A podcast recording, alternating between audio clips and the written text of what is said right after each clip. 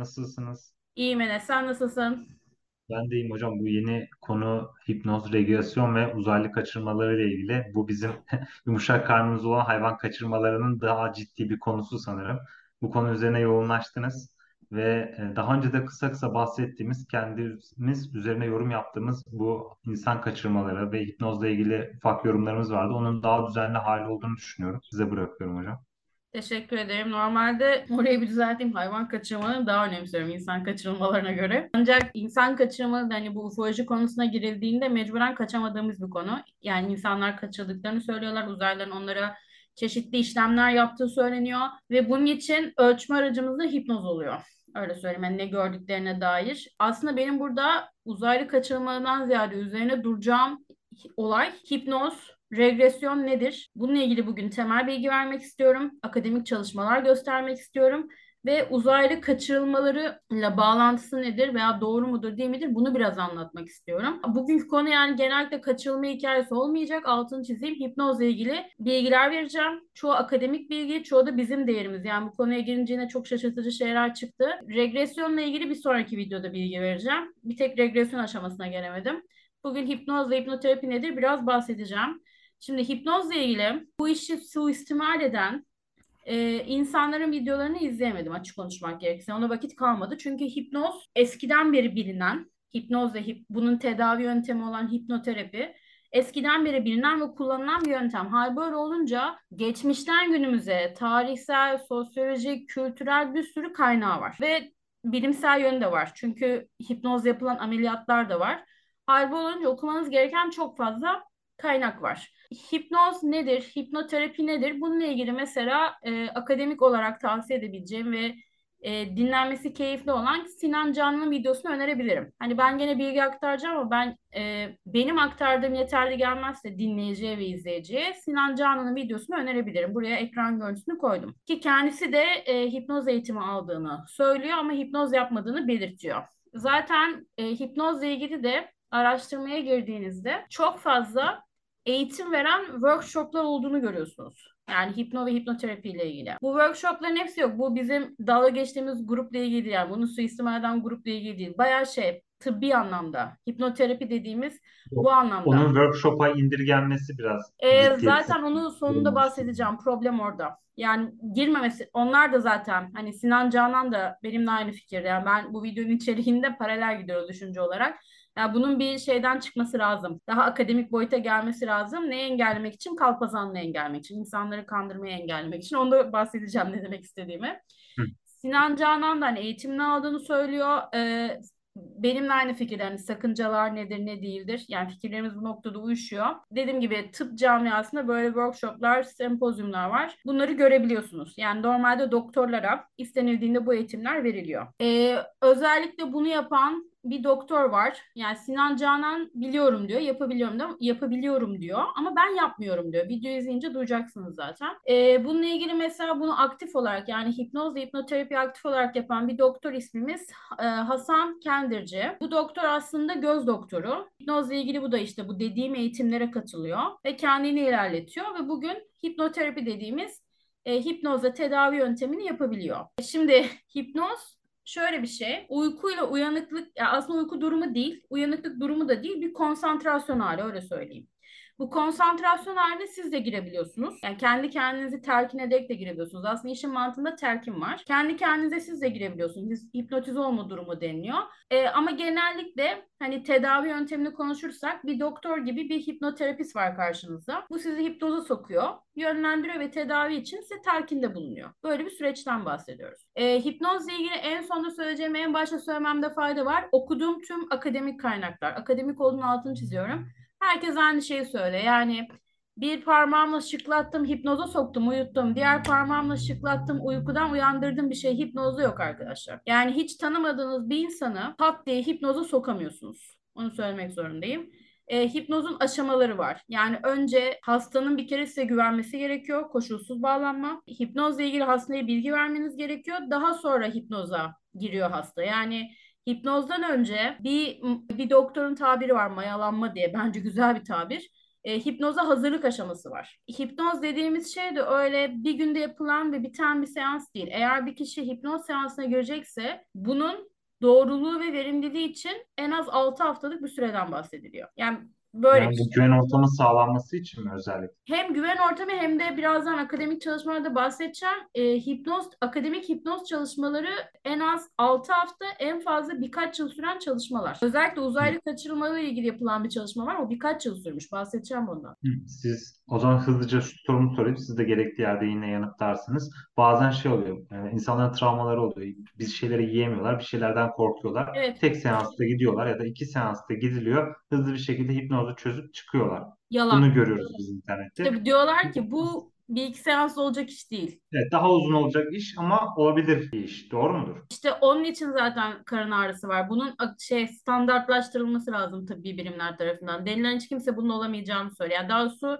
çö- yani hepsi yuvarlak cümle kuruyorlar. Çünkü bilim olarak biraz şey havada bırakılıyor. Konuş açık konuşmak gerekirse. Yani Sinan Canan'ın videosundan çalmak istemiyorum ama gerçekten kısa sürede çok mükemmel açıklamış durumu. Sinan Canan diyor ki bir doktor gerçekten şifacıysa yani şifa yöntemini arıyorsa hipnoza odaklanmalı diyor satır arasında. Öyle söyleyeyim. Yani doktor kimi doktor vardır ya kimi uzman işte ya hipnoz mu? Üf, bırakın bu işleri falan. Hani bunu diyen tıp doktorun olmaması gerektiğini düşünüyorum ben de. Çünkü bunu diyen tıp doktoru olursa işte o senin dediğin gibi bir iki seansta kişide sorunları çözebileceğini söyleyen kalpazanlar türer açık söyleyeyim. Yani bunu söyleyen insanların tıbbi geçmişi yoksa uzak durmak gerekiyor. Ben net bir şekilde söyleyeyim. Yine bir kitap daha okudum ben. O kitabı bilerek paylaşmadım. O kitabı da biri beyin cerrahı, diğeri kalp doktoru. iki tane doktor çıkarmış. Yani kitap İngilizce bir kitap. Okudum. Kitabı tavsiye edeceğim ama şimdi etmeyeceğim. Çünkü kitabın çoğu içinde maalesef akademik camiadan olmayan insanlar var. Anlatabildim mi? Yani orada benim mesela sonradan okuyacağım diye attığım bir kadın doğum uzmanı var. Hipnoterapi yapan. Yani doktor şeyinde ilerlemesi gerekiyor. Açık konuşmak gere- gerekirse. Şu anda Anladım. güvenilir çünkü hipnoz güvenilir ellerde çok güvenilir bir anahtar. Açık söyleyeyim. Ama güvenilir olmayan ellerde de çok şeytani bir şey. Açık söyleyeyim yani. Evet çok bu kadar hani internette gördüğümüz kadar yüzeysel bir şeyse ben zaten travmalarımı bu şekilde atlatabilirim. Diyet sorunumu bu şekilde çözebilirim. Ne yiyip ne Travmaların daha kötü de olabilir ama. evet hani yüzeysel olarak bahsedebilirsek diyorum. Hı. Hani diyet konusunu çözebilirim. Sınava hazırlanmam gerekiyorsa kendimi daha çalışkan olduğuma ikna edebilirim hipnozda. Yani bunların hepsi tek seansta oluyorsa zaten birçok sorunu çözerdi. Aynen. Şimdi senin dediğin kötü ellerde kullanılmasını da Canan Karata örneğiyle pekiştireceğiz. Biraz magazinsel, magazinsel gideceğim. Canan Karatay'ın linçlendiği tek konudur ki ben de bu linç hak ettiğini düşünüyorum. Çünkü kendisi tam bir şişman düşmanı yani öyle söyleyeyim. Hani böyle ben de kilo problemi yaşayan bir insan olarak söyleyeyim. Bazı açıklamaları benim de kaşımı kaldırıyor. Yani Canan Karatay'a göre herkes fotosentez yapacak kıvama gelmiyor. Hiçbir şey yememiz lazım. Hayatımızı tamamen yeşil zeytine bağlamamız lazım öyle söyleyeyim. Canan Karatay'ı sen bilir misin bilmem. Ben ilk duyduğumda acı acı güldüm. Çünkü o dönemlerde maalesef ekranlara çıkıp kilolu herkesi aşağılıyordu. Yani çok sert bir dili var. Yani küfür bile etti. Öyle söyleyeyim. Yani çok aşağılıyordu. Çok sert gidiyordu. Bunu aradılar Canan Karatay'ı. Terörle mücadeleden aradıklarını söylediler. Ve Canan Karatay 110 bin lirasını 2013 yılında e, bir çöp kutusuna attı. Adamların isteği üzerine. Ya adamlar diyorlar ki şurada bir çöp kutusu var. 110 bin lirayı o çöp kutusuna at dediler ve attı. Ve adamlar o parayı aldı. Sonra bu olay patladı tabii. Canan Karatay dolandırıldı, dolandırıldı diye. İşte bana terörle mücadele denildi, o yüzden verdim diye. Ama kadın orada şey dedi. Zaten diğer haberin uzama sebebi de buydu. Bana hipnoz yaptılar dedi. Anlatabildim mi? Yani beni dedi telefonla dedi hipnoza aldılar dedi. Ben hipnozla 110 bin liramı çöpe attım dedi. Ya hakikaten kadın bunu yaptı bu arada. 110 bin lirayı çöpe attı. Bu arada Canan Karatay'ın dediği iş- işin magazinsel tarafı bir, bir tarafa doğru. Yani bu telefonla sizi arayan insanlar gerçekten hipnoz yapıyorlar. Demek ki Canan Karatay hipnoza açıkmış yani 110 bin lira için para olmadığı için çöpe atılmıyormuş öyle söyleyeyim. Ki 2013 yılından bahsediyoruz. Yani o zaman bile değerli para şu anda düşünemiyorum bile. Dolayısıyla bu şey de var. Benim birkaç tanıdığım da var. Ee, bunların da başına geldi. Hani bana gelmez demeyin. Ee, bunların da can, anneleri babaları Canan Karatay'la aşağı yukarı aynı yaştalar. Bunlar da biri işte bu e, yaşların bir WhatsApp grupları oluyor ya meşhur. Her şeyi birbirine duyurdukları. İşte e, arkadaşımın bir arkadaşımın annesi diğer arkadaşımın babası. E, habire şey yapıyorlarmış. Aman işte dolandırıcıya dikkat edin. Telefonla sizden işte para isteyenlere dikkate almayın tarzı paylaşımlar yapıyorlarmış tamam mı? İkisi de aynı tuzağa düşmüş biliyor musun? İkisi de telefonla dolandırılmış yani öyle söyleyeyim. E, arkadaşlarım bana bunu utanarak anlattılar. Yani böyle bir cümle arasında geçti. Muhabbet nereden açıldı bilmiyorum. Ben de şey dedim yani hiç utanarak anlatma. Canan hemen Canan Karatay örnek verdim. Dedim ki bak bu olay bir hipnoz olayı. Çünkü onlar da anlamlandıramıyor. Yani benim annem babam nasıl böyle bir salaklık yaptı diye. İkisi de 50, 50, bir şey, ya 50 bin lira şey yapılmış. Çarpılmış öyle söyleyeyim sana. Dedim Canan Karatay'ın başına gelmiş dedim. Bu olay bir hipnozmuş dedim yani. Dikkatli olmak yok. ki hakikaten hipnoz için değil ama biraz hipnozdan o noktada ben de korkuyorum. Ben mesela bilmediğim numarayı açmam açık söyleyeyim. Burada benim e, şey var. Karşında yaşandı bu olay. Aslında bir dolandırıcılık hikayesi anlatıyormuş gibiyiz. Hipnoz başlığı altında başka bir şeylerden bahsediyor gibi görünüyoruz ama karşıdaki adam şunu yapıyor. Seni alıyor, önce bir şeyle korkutuyor. Hı hı. Sonraki gelen bir başka öner, önermesiyle işte şaşırtıyor. Senin düşünmene fırsat vermeden Hı hı. bir başka korkutucu bir şey daha öne sürüyor. Hani diyor ki senin evine diyor işte şu şu şu kişiler aranan kişiler gelmiş diyor.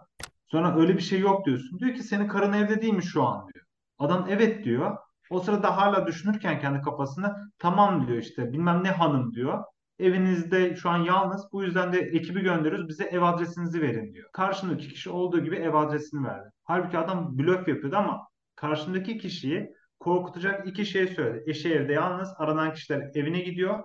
Konuşma sırasında hangi eve gittiğini nereden biliyorsunuz? O zaman benden niye adres istiyorsunuz gibi bir çıkarım yapabilir ama düşünme şansı vermiyor Evet evet. korkutarak. Canan Karatay'a da benzer bir şey olmuş. Düşünme şansı vermiyorlar. Sürekli arayıp hani o hatta kalıp etki altına alma durumu var dediğin gibi. Bu da aslında bir çeşit Manipüle. hipnoz yöntemi olarak konuşuldu bu arada. Yani zaten hipnozun bir tehlikeli boyutu bu. Bir insan gerçekten iyi bir hipnoz yapabiliyorsa bu yöntemleri deneyebilir. Bu arada şey diyebilirsiniz. Bizler de hipnoz yapabilir miyiz? Evet. Zaten tehlikeli boyutu bu. Yani ben e, işi gücü bırakıp hayatımın iki yılında hipnoz alarsam e, şey, yap şey yapabiliyorum. Bu konuda ilerleyebiliyorum. Ama şöyle bir durum var. e, hipnozun ya bilinmeyen bir şey. İnsan kafasına giriyorsunuz neticede. Beklenmedik bir durum çıktığında da ne yapacağımı bilmem gerekiyor. İşte bu noktada tıbbi bilgisi olan bir insan gerekiyor. Anlatabildim mi? Yine Evet. şeyden de bahsedeyim. Hipnozla ilgili diğer bir mit de hepsi aynı şeyi söylüyor. İşte mesela bir insanı hipnoza soktun, öyle söyleyeyim, hipnoterapi sırasında. Kişi hipnozda, yani telkin alıyor sizden. Olur da afaki, oradaki hipnoz yapan kişi kalp krizi geçirdi diyeyim, öyle söyleyeyim. O kişi hayat boyu hipnozda kalmıyor, öyle bir efsane yok. Öyle söyleyeyim size. Yani bir süre sonra hipnoz durumundan çıkıyor. Yani hayat boyu süren hipnoz diye bir durum yok. Bunu bilmiyordum mesela ki böyle bir şey de düşünmemiştim ama hani akılda kalıcı bir soruymuş. Direkt cevabıyla birlikte geldi. Ya şey var bu Hasan Kendirci dediğim doktor soramazsın denilen bir YouTube kanalına e, şey oluyor dahil oluyor oradan zaten buldum. Orada anlatıyor daha sonra araştırdım gerçekten doktormuş göz doktoruymuş kendini bu konuda ilerletmiş hani şeyini de buldum adresini vesaire. Yani bu bir psikoterapi enstitüsünde yani böyle bir şey durmuyor. Peki hipnoz altında ne oluyor mesela hipnoz bir insan tarafından hipnoza sokulduğunuzda ne oluyor? Karar verme yetkisini karşı tarafa veriyorsunuz. Zaten bu yüzden karşılıklı güven olması gerekiyor. Yani bir teslimiyet var. Yani mesela bu insan size çay mı istersin, kahve mi istersin diye hani sorarsa karar veremiyor. Çünkü o kararı sizin vermeniz lazım. Çünkü tamamen şey yaptınız. Ona bıraktınız her şeyi. Yine hip, hipnoterapide şey yapılabiliyor. Bu aslında regresyon çalışmasına giriyor. Geçmişe götürülebiliyor. Yani geçmişe travma yaşanıyorsa oraya sizi götürüyorlar. Orada mesela hipnoterapistin merak ettiği şeyleri hatırlıyorsunuz. Öyle söyleyeyim. O, o şeyi görmek istiyorsunuz. İşte 4 yaşındayken atıyorum yanınızda kim vardı? Bunu hayal ediyorsunuz. Kim vardı, kim yoktu diye. Ancak mesela bu regresyon çalışmaları, hipnozda en güvenilmeyen alan bu. E, doğruluğu şüpheli. Yani bir birçok vakada şey fark edilmiş hani kendi hayal ettiğini aktarıyor. Anlatabildim mi? ya doğru bilgi vermiyor. Hani Bu konuda bir ekleme yapacağım. Siz devam edin hocam. yani regresyon çalışmaları ile ilgili pek güvenilir bir yöntem şu anda geliştirmeye çalışıyorlar diyeyim. Burası da enteresan. Regresyon dediğim gibi bir sonraki videonun konusu olacak. Mesela travma üzerine çalışılıyorsa hipnozda bu gene regres hipnozun regresyon çalışmasına giriyor. Yani geçmişe dönme çalışmasına. O hipnozda konuşulanlar unutulabiliyor. Yani kişi hipnozdan çıktığında konuştuklarını hatırlamayacak şekilde kişiye telkinde bulunuyorlar. Öyle söyleyeyim. Ee, ama sonradan kişiye dinletilmesi gerekiyorsa bunu bilerek kayda alıyorlar ve kişiye dinletiyorlar. Anladım. Evet onu e, denk gelmiştim bir keresinde. Bir tane YouTube kanalında Bu denk konu gelmiştim. evet bu konu benim şu noktada ilgimi çekiyor. Hani uzaylı kaçırma ile ilgili bağlantısını konuşacağız da şimdiden de girebiliriz aslında bu konuya. İşte kaçırılanlar ne diyor? Uzaylılar benim hafızamı sildi diyorlar. Hani unutmamı sağladılar. Ya bunun bir benzeri aslında biz yapıyoruz hipnozda öyle söyleyeyim. Burada hipnozla regresyon arasındaki farkı ya da benzerliği söyleyebilir misiniz hocam? Ya hipnozda aslında işte o fark için de biraz daha derin inmem lazım ama okuduklarımdan anladığımı aktarayım. Hipnozda normalde bir tedavi amaçlı gidiyorsun. Yani mesela sigarayı bırakmak istiyorsun ya da işte bir kötü alışkanlığı bırakmak istiyorsun ya da işte sağlık sorunları için bu arada hipnoz yapılıyor. Hipnoterapi dediğimiz şeyde aslında şu slayttan gösterebilirim. Birçok makale var. Bu mesela Nature'dan aldığım bir makale. Huysuz bağırsak sendromu. Yani bu panik atak, anksiyete, bu strese bağlı ortaya çıktığı bilinen e, otörmin hastalık denilen huysuz bağırsak sendromu, mide sorunları bugün hipnozla çözülmeye çalışılıyor. Ve bununla ilgili çok fazla makale var. Sağlık makalesi var. İşte hipnozla bağırsak sorunları nasıl çözülebilir? Hipnozla huysuz bağırsak sendromu nasıl çözülebilir? Hipnozla mide sorunları nasıl çözülebilir tarzı Nature gibi saygın makalelerde çalışmalar var. Anlatabildim mi? Yani hipnozda genellikle bunun için gidiyorsun. Ee, bununla ilgili işte hipnoterapi denilen yöntem yapılıyor. Bunlar genellikle birkaç hafta ve bunlar genellikle birkaç hafta sürüyor. Okuduğum çalışmalar birkaç hafta sürüyor. En az 6 haftalık süreç. Bahsedeceğim detayını yani telkinler yapılıyor. Anladığımı anlatıyorum gene. Daha sonra kişinin bu işte e, hip, daha sonra hipnozun işte bu kişinin sorunlarını çözmede ne kadar etkili olduğu araştırılıyor. Genellikle olumlu sonuçlar alındığı için hala bu konuyla ilgili çalışma yapılıyor. Çünkü dediğim gibi yani bu e, panik atak vardı hatırlamaya çalışıyorum. E, anksiyete atakları vardı. Uyku sorunları benim yaşadığım birazdan bahsedeceğim. Huysuz, işte huysuz bağırsak sendromu diye geçiyor bizde. Mide sorunları strese bağlı çünkü stres direkt mideye vuruyor. Bunları büyük oranda çözmüşler. Öyle söyleyeyim. O yüzden tıbbi, ana, tıbbi alanda kullanım bu. Regresyon dediğimiz olay hipnozla geçmişe çocukluğa gitme. Bunu genellikle psikiyatride yapıyorlar. Yani geri götürme deniliyor. İşte çocuklukta yaşanılan bir travma seans sırasında hatırlanmak üzere oraya gidiyor. Hipnozdan farklı olarak burada hafıza silmesi yapılıyor. Yani hipnozda bir hafıza silmesi yapılmıyor. Hatta hipnozda böyle şey yapılıyor. Ee, bahsedeceğim gene. 10 dakikalık kasetler veriliyor sana. Dinleme kasetleri. Mesela her gün dinlemen de isteniyor. Yani terapi dışında. Hani telkin gibi. Ama regresyon çalışmaları daha böyle spesifik yapılıyor, bir odada yapılıyor ve konuşulanların hatırlanmaması da sağlanıyor. Kişi çünkü kişi atıyorum çocukken e, şey olmuş. Cinsel istismara maruz kalmış. Ya, o an tekrar yaşatıyorsun çocuğa kontrollü bir şekilde. Anlatabildim mi? Sorunu çözmek için. Hayatın ne kadar etkilediğine dair. Ve orada konuşulanları tekrar hatırlaması onun yararlı olmayacağı için orada konuşulanları unut diye bir telkinde bulunabiliyorsun regresyonda. Ama bu konuşmalar kayıt altına alınıyor. Benim anladığım fark bu. Soru buydu değil mi bu arada? Evet evet tam olarak bundan bahsediyorum. Regresyonun ne demek olduğunu tam olarak ben de bilmiyordum. Ama bazı ufolojiyle ilgili regresyonları izlemiştim. Yani takip etmiştim. Bunu siz de yapmışsınızdır zaten. Burada da yapılan bir yanlış var. Buna denk geldiniz mi siz bilmiyorum. Örnek veriyorum. E, kişi kaçırılmış, kaçırıldığını iddia ediyor. Gece yarısı uykusundan alındığını iddia ediyor gerçek bir regresyonda ona ne yaptığını, orada ne yaşadığını ya da nasıl bir ortamda olduğunu soruyorlar. Kişi bağımsız olarak anlatıyor bunu.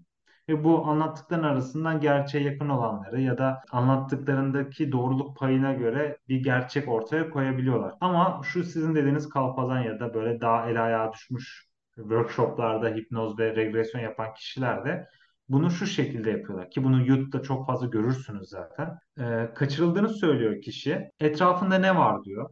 Ne olduğunu anlatıyor. Şimdi git diyor onun üzerindeki bir şeyi al diyor. İşte yanındaki o güzel insandan diyor e, ne için kaçırdığını sor diyor. Aslında kişi ortamdaki değil, e, ortamda olanları değil, e, regresyon yapan kişinin hayal gücünü Bu, yaşamış bu oluyor. yapılmıyor. Dediğin doğru. Bundan bahsediyordum. E, size denk gelmişsinizdir umarım. Anlatırken zaten değinirsiniz diye düşünüyorum. Evet, bir de şey var. Regresyonda o cümleyi de bahsedeyim. Regresyonda aslında çok acı olay yoksa, yani travma çalışılmıyorsa kişinin aslında pek hafızasını silme yönünde çalışma yapılmıyor. Yani o anki konuşulanlar hatırlanıyor aslında. O anki konuşu ya da o anki konuşulanların hepsini unutması istenmiyor. Acı veren olaylar unutulması isteniyor. Yani regresyon sırasında o geçmişe dönüş sırasında kişi tekrar acı yaşayıp üzülüp ağlıyorsa o kısımları unutmasını istiyorlar. regresyondan çıkmadan önce. Ama şöyle söyleyeyim bu gerçek anlamda da bir hafıza silme değil. Yani sadece o regresyon seansında ortaya çıkan görüntü o kişiye tekrar acı verdiği için o durum o anı siliyorlar. Kişinin aslında gene bilinçaltında o bilgi var. Hatırlaması yani nasıl diyeyim zaten travmadan onu unutmuş. Tekrar hatırlamasının bir faydası yok deyip şey yapmıyorlar. Tekrar onu Daha onun altına itiyorlar. süpürüyorlar. Öyle söyleyeyim. Ama bu regresyon çalışmasını bizleri yapması aslında ufoloji ile ortak nokta. Çünkü uzaylılar da denildiğine göre bunu yapıyor bize. Daha doğrusu şöyle toparlayayım. Uzaylılar insan kaçırdığında kaçırılan insanları çok travma, travmatize ediyorlar, korkutuyorlar. Nasıl diyeyim? Şoka sokuyorlar. Dolayısıyla bunları hatırlamak insanlara tekrar acı vereceği için kaçırılmadan sonra insan haf- hafızasını whoop diye ne yapıyorlarmış? Siliyorlarmış. Böyle bir durum var. Kaçırıldığında zaten biz farklı bir form gördüğümüz için korkuyoruz. Bizi zorla bir e, sedyeye ya da herhangi bir şeye yatırdıkları için korkuyoruz. Zaten ameliyattan korkan birçok insan var. Orada ameliyat odasında bulunduğu için korkabiliyor. Yapılan müdahaleleri gördüğü için korkabiliyor. Yani kendisini korkacak çok çeşitli şeyler bulabiliyor orada.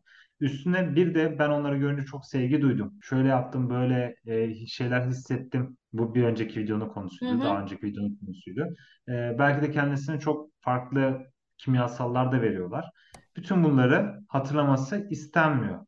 Dolayısıyla onlar da orada artık e, dünya dışı bir hipnozla bize geri gönderiyor insanları diye düşünüyorum. Regresyon sırasında da o anki yaşadıklarını uzman eller ortaya çıkarmaya çalışıyor. Burada da şöyle bir paradoks ya da çelişki diyeyim. Paradoks var. Bu uzman eller dünya dışı varlıklara inanmış olması gerekiyor ki regresyon yapsınlar ciddi bir şekilde. Hı hı. İnanmadıklarında da böyle bir durumda regresyona girmiyorlar. Dolayısıyla ele ayağa düşen ve bu duruma inanıp bu durumu suistimal edebilecek daha fazla kişiye ulaşıyor. Onların yapması yapmasına olanak tanınıyor ve bu sefer de gerçek dışı bir regresyon yapılıyor diye düşünüyorum. Kesinlikle katılıyorum. Ya zaten sorunumuz bu. O uzay kaçırma ile ilgili daha önce bilgi vereceğim e, sunumun sonuna doğru. Burada aslında şu ortak noktayı gözden e, kaçırıyor çoğu insan. Hani bu olay gerçekse, yani uzaylı kaçırmaları gerçekse, süreç de gerçekse aslında uzaylıların yaptığıyla şu anda regresyon çalışmaları arasında hiçbir fark yok. Onlar da hafıza siliyor. Biz de o hafızayı silinmesi için ne yapıyoruz? Yani silinme demeyeyim de aslında herhalde şey demek daha doğru. Halının altına süpürmek için ne yapıyoruz? Çalışmalar yapıyoruz. Ee, senin dediğin bu ameliyat masası gibi ortama kendi rızasıyla gitme olayını evet biz de videoda ne olarak konuştuk? Hormon. İşte kişiye belli hormonlar, belli kimyasallar verince tamamen sizin kontrolünüzde olabiliyor.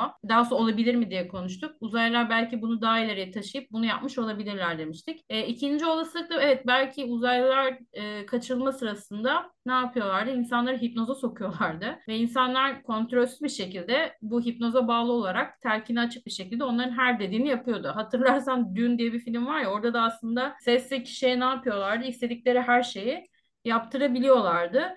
Bu konu Çok iyi örnek. e, hala senin dediğin gibi çoğu doktor tarafından "Hmm, gereksiz ya bilim kurgu olarak görülüyor ama işte orada da Sinan Can dediği gibi bu doktorlar şifacı olmuyor, doktor oluyor sadece. Yani şifacılık dediğimiz olayda her şeyi dikkate almak gerekiyor. Onu söyleyebilirim. Yani insana iyi geliyorsa, iyi şey yapıyorsa bu biraz daha alternatif tıp ve şifacılığa kayan bir konu. Ama dikkate alınmalı mı? Kesinlikle alınmalı. Yani insana iyi gelen bir noktası varsa araştırmalı ve dikkate alınmalı. Öteki türlü senin dediğin gibi merdiven altı bizlerle muhatap oluyorsun yani. Bu, bunlar evet YouTube'da çok fazla görecekler. Gördükleri zaman da söylediğimiz iki şeyi fark edecekler. Bir, doğru regresyon yapmıyorlar. Kişi kendi hayalini e, hastaya yansıtıyor, onu yaşamasını istiyor. Valla oraya İkincisi gelemedim ama zaten isim değil. verebilirsin. Ben oraları yani şu anda e, var olan sinirimi onları izleyerek harap etmedim. Kim diye tanımıyorum. Yani regresyon yapıyordu. Gerçekten. E, ve sürekli şey yani kadın kendi fantastik dünyasını sanki kişiye aktarmaya çalışıyor. Hani şey gibi nasıl çok net bir örnek vereceğim ama size bir kişi tecavüz etmiş, siz bunu anlatıyorsunuz. Kadın etrafta daha fazla kişi olup olmadığını öğrenmek için şunu söylüyor. Size tecavüz eden ikinci kişiyi tarif eder misin? Ama halbuki öyle bir şey yok. Hani size de bunu hayal ettiriyor yani. Öyle bir şey varmış Ya ben o tip olaylara biraz daha farklı bakıyorum şimdi. Ya Türkiye'de şöyle bir durum da var. Bu tip yalancılığa yapan, hani yalancılığı yapan kalpazanlar var. Bir de o kalpazanlar prim veren kadınlar var öyle söyleyeyim. E, hatırlar Evet. mısın bilmem bir şey vardı. Cin videosunda bahsetmiştik. Evet, cin videosunda konuşmuştuk bunu. Hatta ben bahsetmiştim cin dosyası videosunda. Bir cinci hoca vardı hatır, hatırlarsan. Kadınlardan cin çıkarıyorum diye kadınlarla birlikte oluyordu. Hatta bunun videoları çıktı. Adam öyle şey oldu patladı diyeyim. Bu gazetelere de baya böyle şey fotoğraflar falan konuldu. Orada demiştim tekrar diyeyim. Orada ben mesela kimsenin takılmadığı kadının sütyenine takıldım Enes. Öyle söyleyeyim sana. Kadının bildiğim bayağı taşlı tuşlu güzel sütyeni vardı yani. Ve bunlar birlikte oluyorlar. Yani toplum biraz bunu görmüyor yani onu söyleyebilirim. İşin bir de bu boyutu var. Ben bak samimi söylüyorum. Senin dediğin olayda da bunlar kesin flörtleşmişler. Öyle söyleyeyim sana.